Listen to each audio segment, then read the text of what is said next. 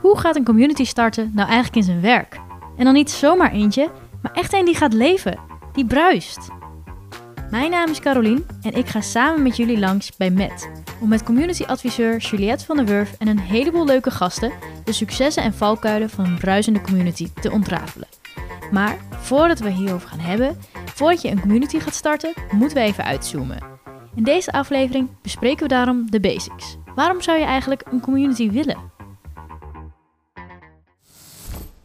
Juliette, in de aankomende afleveringen gaan we het hebben over bruisende communities.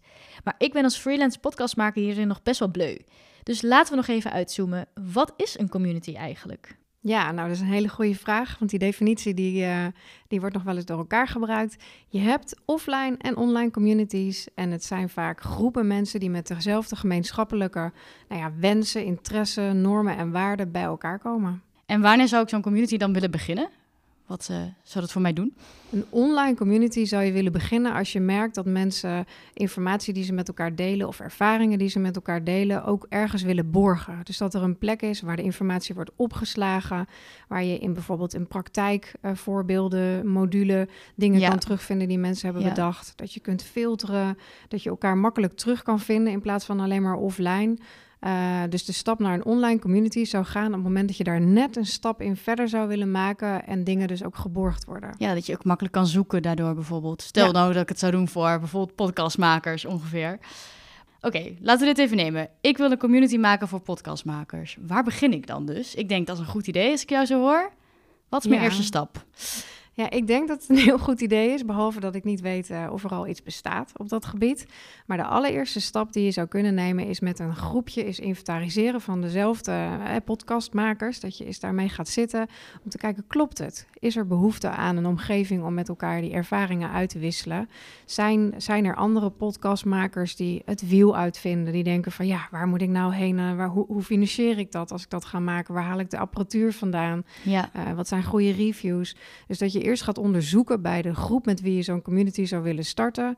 Of er al iets bestaat, of dat je misschien samen iets zou kunnen beginnen wat ja. uh, aan jullie behoeften zou kunnen voorzien. Dus eigenlijk even helemaal uitvragen van waar ligt ons, zijn er problemen die we hebben bijvoorbeeld, die hiermee opgelost kunnen worden. Ja.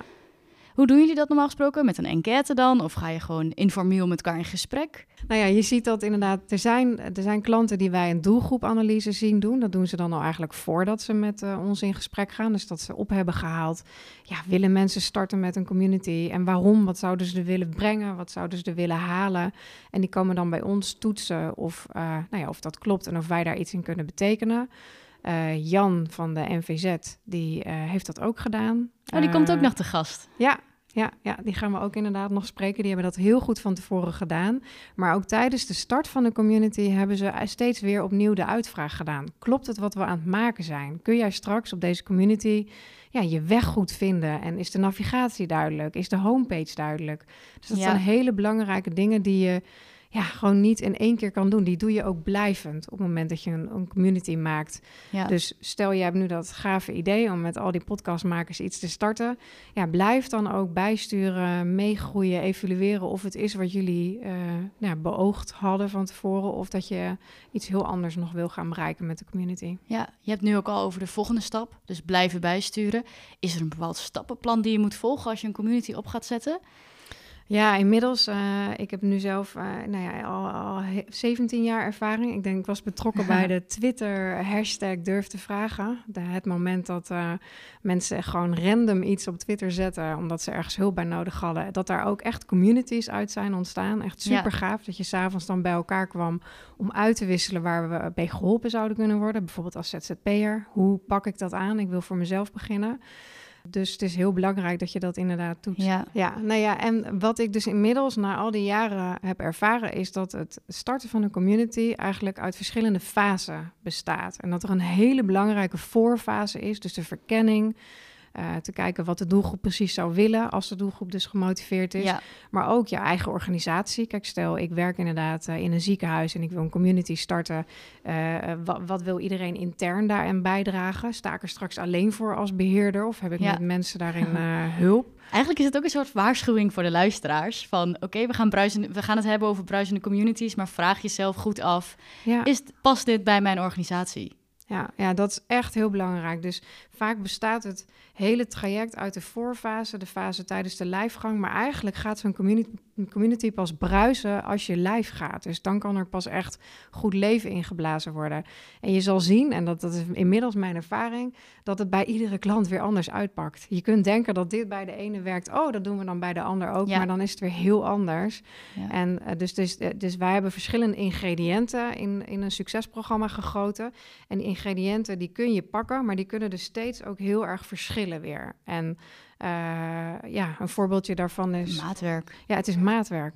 Ja, dus stel dat je bij de ene klant heb je een groep, een doelgroep die heel digivaardig is. Nou, die pakken die telefoon en die, die, delen, die delen alles uh, ook gewoon uh, via hun eigen mobiele telefoon. Maar we hebben ook klanten in, nou ja, misschien een beetje zorgwelzijn toch nog wel, die echt alleen maar achter de laptop zitten. Ook niet altijd digivaardig zijn. Ja. Uh, dus wat minder snel ook durven te delen, omdat ze bang zijn dat ze daarin fouten maken. Dus het is ook heel goed om in de huid te kruipen van de toekomstige doelgroep. Wie zijn het? En stel dat het allemaal 70-plussers zijn, dan is het niet verkeerd om een 70-plusser daar tegenover te zetten die ze kan begrijpen. Dat die ook vraagt, wat heb je precies nodig? Want ik als 40er ja, ben alweer levels verder en een 20er nog meer. Ja, dus er zijn gewoon verschillende fases die je door moet lopen, waar je de hele tijd blijft toetsen. Past dit wel eigenlijk bij de groep waarvoor we het doen? Ja. Als ik dat goed begrijp. Uh, ja. Voor mijn programma straks. Ja. ja. mm. Dus dat is het begin. In de podcast gaan we het ook nog hebben over het managen ervan. Zitten daar dan wel bepaalde ja, successtappen bij? Nou ja, het is in ieder geval het managen ervan is dat je zorgt dat je tijd hebt om het te kunnen managen. En ik denk dat een van de meest, uh, meeste nou ja, problemen wil ik het niet noemen, maar wel uitdagingen bij klanten die ik uh, spreek, is dat er eigenlijk amper tijd is om het ernaast te doen. Het zijn vaak mhm. communicatieprofessionals die super druk zijn. Ja, en hoe dan ook nog eens voor de community. Dus het is ook heel belangrijk om oog te hebben voor dat iemand daar ruimte voor heeft om het aan te jagen, ruimte voor heeft voor de moderatie ruimte heeft om, om nou ja, gewoon überhaupt een, een goede rol te kunnen spelen in dat hele traject van begin tot nou ja, eindeloos. Want een community stopt nooit. Dus je, je, je begeleidt, ik, ik, wat ik ook zie is dat heel veel uh, platformen nog steeds na lijfgang, nou, dan, dan, dan, dan moet de klant het zelf uitzoeken. Ja, dat werkt niet. Het wordt pas een succes als je echt samen blijft kijken wat er nodig is. En dat bijsturen wat je net al herhaalde, maar ook statistieken, de KPI's opnieuw bekijken. Wat wil je gaan meten? Wanneer is het voor jou een succes? Uh, nou ja, dat je dat gewoon goed in de gaten blijft houden. Ja, die gaan we ook zeker nog bespreken. Ja. Want je zegt het kost best wel veel tijd. Komt het dan ook omdat mensen het zien als iets iets hips, iets leuks, wat ze er wel even bij willen doen?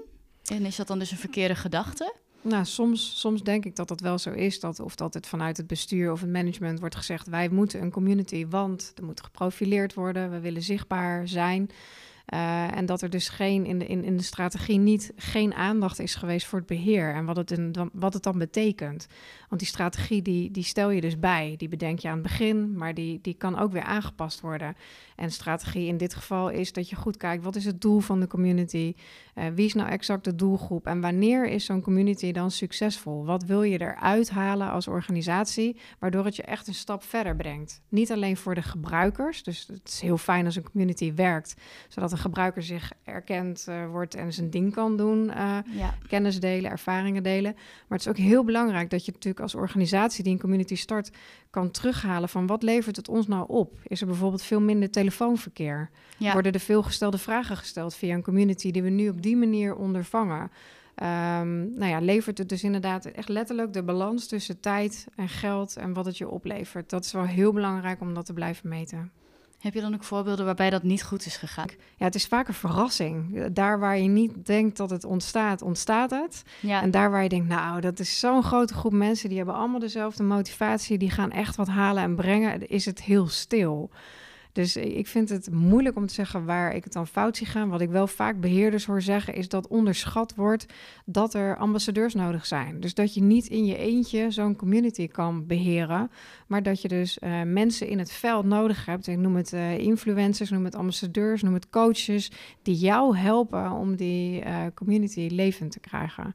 En dat dat vaak een onderschat iets is. Dat als je daar niet vanaf het alle begin in investeert om te kijken van hé, hey, wie zijn er in het veld aanwezig die uh, ja, een bepaalde rol zouden kunnen spelen, dat je daar later dus tegenaan gaat lopen, omdat je het gewoon niet alleen kan. Ja, je hebt die activiteit nodig online.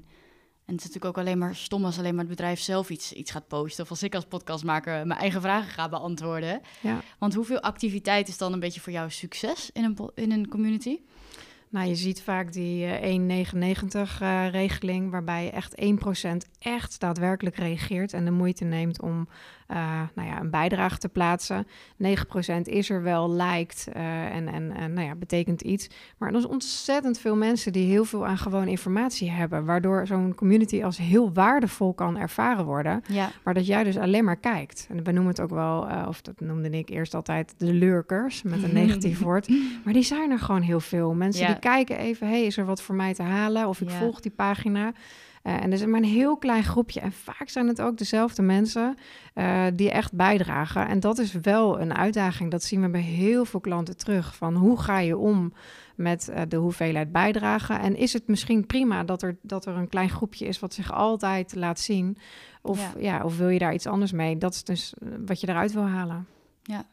Ook dat is weer een vraag denk ik, die we mooi kunnen be- be- bespreken tijdens de community management aflevering. De derde aflevering. Dan is nu eigenlijk mijn laatste vraag alleen nog maar... Als ik overtuigd ben en ik heb mijn doelgroeponderzoek gedaan... ik weet dat er vraag is naar een community, waar kies ik dan voor? Ja, dan heb je verschillende mogelijkheden.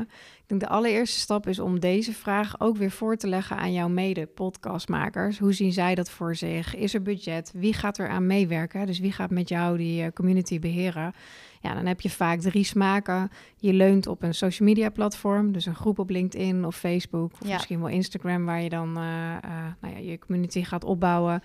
Eh, je eh, kiest voor een platform wat al bestaat en die je dus op maat inricht, of in ieder geval persoonlijk maakt en eh, het design en de look en feel eigen maakt.